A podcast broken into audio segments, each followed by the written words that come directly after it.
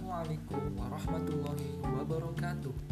Selamat mendengarkan bagi Anda para mahasiswa dalam podcast learning bersama saya Wildan Alfian Nugroho.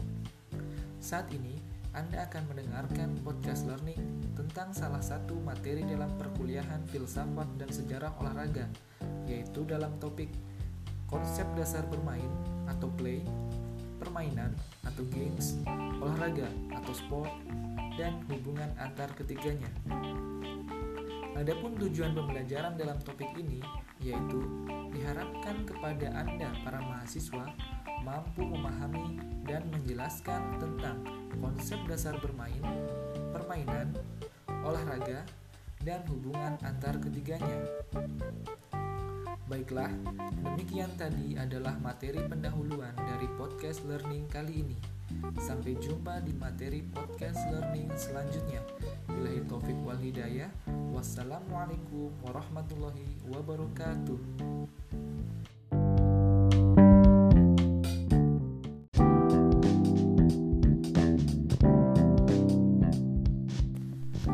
Assalamualaikum warahmatullahi wabarakatuh.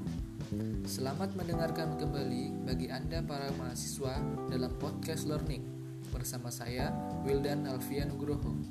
Saat ini kalian akan mendengarkan dua pokok bahasan awal dalam materi podcast learning yaitu tentang konsep dasar bermain atau play dan permainan atau games. Baiklah, mari kita mulai pembahasannya. Kajian filsafat olahraga didasarkan pada tiga konsep, yaitu bermain atau play, permainan atau games, dan olahraga atau sport. Ketiganya memiliki arti dan aktivitas yang berbeda. Yang pertama, bermain.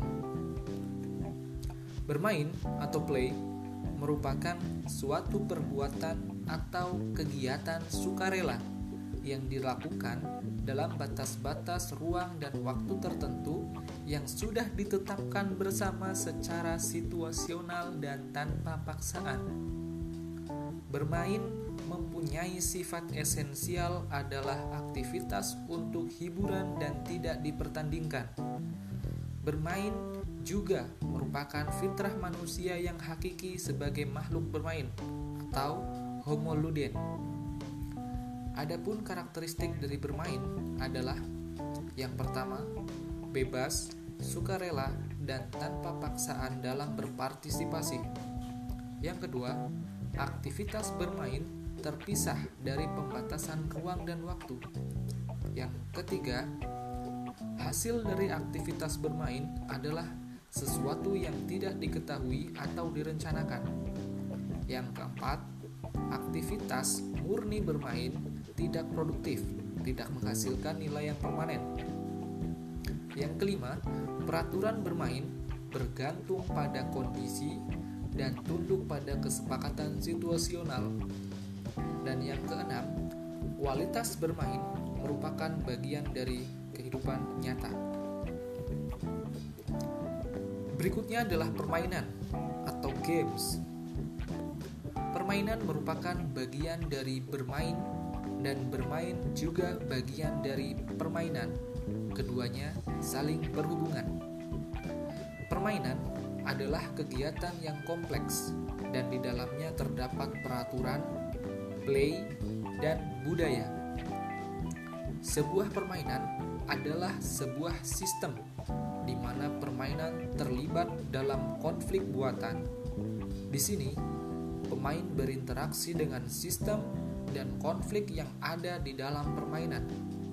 Sistem dan konflik yang ada merupakan rekayasa atau buatan, dan di dalam permainan terdapat peraturan yang bertujuan untuk membatasi perilaku pemain dan menentukan jalannya permainan. Adapun ruang lingkup pada permainan meliputi antara lain. Yang pertama, adanya kompetisi dan yang kedua, hasil ditentukan oleh keterampilan fisik, strategi, dan kesempatan. Nah, demikian tadi adalah penjelasan mengenai konsep dasar bermain atau play, dan permainan atau games. Semoga Anda para mahasiswa dapat memahaminya dengan baik. Sekian untuk materi podcast learning kali ini.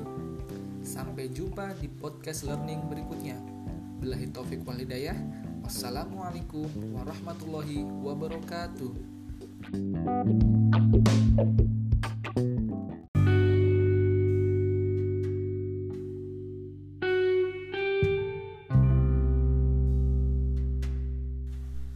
Assalamualaikum warahmatullahi wabarakatuh.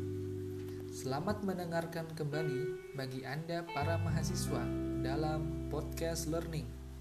Masih bersama saya Wildan Alfian Nugroho. Saat ini kalian akan mendengarkan pokok bahasan selanjutnya dalam materi podcast learning. Jika sebelumnya kita telah mengetahui tentang konsep dasar bermain atau play dan permainan atau games, maka selanjutnya sekarang kita akan membahas mengenai olahraga atau sport dan yang terakhir nanti akan dibahas adalah hubungan antara bermain atau play, permainan atau games, dan olahraga atau sport. Baiklah, mari kita mulai pembahasannya.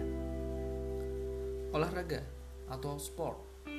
Menurut Khalid Mutohir, olahraga adalah proses sistematik yang berupa segala kegiatan atau usaha yang dapat mendorong atau mengembangkan dan membina potensi-potensi jasmaniah dan rohaniah seseorang sebagai perorangan atau anggota masyarakat dalam bentuk permainan, perlombaan, atau pertandingan dan prestasi puncak dalam pembentukan manusia Indonesia seutuhnya yang berkualitas berdasarkan Pancasila. Seiring perkembangan zaman dan kemajuan di bidang keilmuan yang sangat pesat serta global menjadikan olahraga sebagai suatu disiplin ilmu yang sangat populer dan banyak dipelajari oleh setiap orang di dunia. Dalam perspektif pengembangan ilmu keolahragaan, pada hakikatnya olahraga merupakan bagian dari kehidupan manusia. Dengan demikian, kita harus menjadikan olahraga sebagai ilmu yang kita pelajari karena mengandung banyak sekali manfaat yang bisa kita dapatkan. Bidang olahraga tidak hanya mencakup aspek jasmani atau raga, melainkan juga aspek rohani atau jiwa, yang keduanya bisa saling bersinergi untuk menunjang kita menjadi manusia yang lebih baik. Olahraga juga dapat diartikan sebagai aktivitas untuk melatih tubuh seseorang tidak hanya secara jasmani tetapi juga rohani dan bertujuan untuk mencapai prestasi yang setinggi-tingginya. Adapun karakteristik dari olahraga adalah yang pertama bersifat kompetitif, yang kedua bentuk bermain yang terorganisir, yang ketiga lebih spesifik dan mencangkup dari play dan games, dan yang keempat permainan yang dilembagakan. Pokok bahasan selanjutnya yaitu hubungan antara bermain atau play, permainan atau games, dan olahraga atau sport. Menurut Edward tahun 1973, pengertian olahraga bergerak dari pengertian yang luas meliputi play, games, dan sport. Dengan kata lain, olahraga adalah bagian dari permainan, dan permainan adalah bagian dari bermain. Jadi, demikian tadi adalah pemaparan dari materi topik dalam podcast learning kali ini, dan diharapkan kepada para mahasiswa dapat memahami materi tersebut dengan baik. Dan sampai berjumpa di podcast learning selanjutnya. Akhir kata, Billahi taufiq wal hidayah. Wassalamualaikum warahmatullahi wabarakatuh.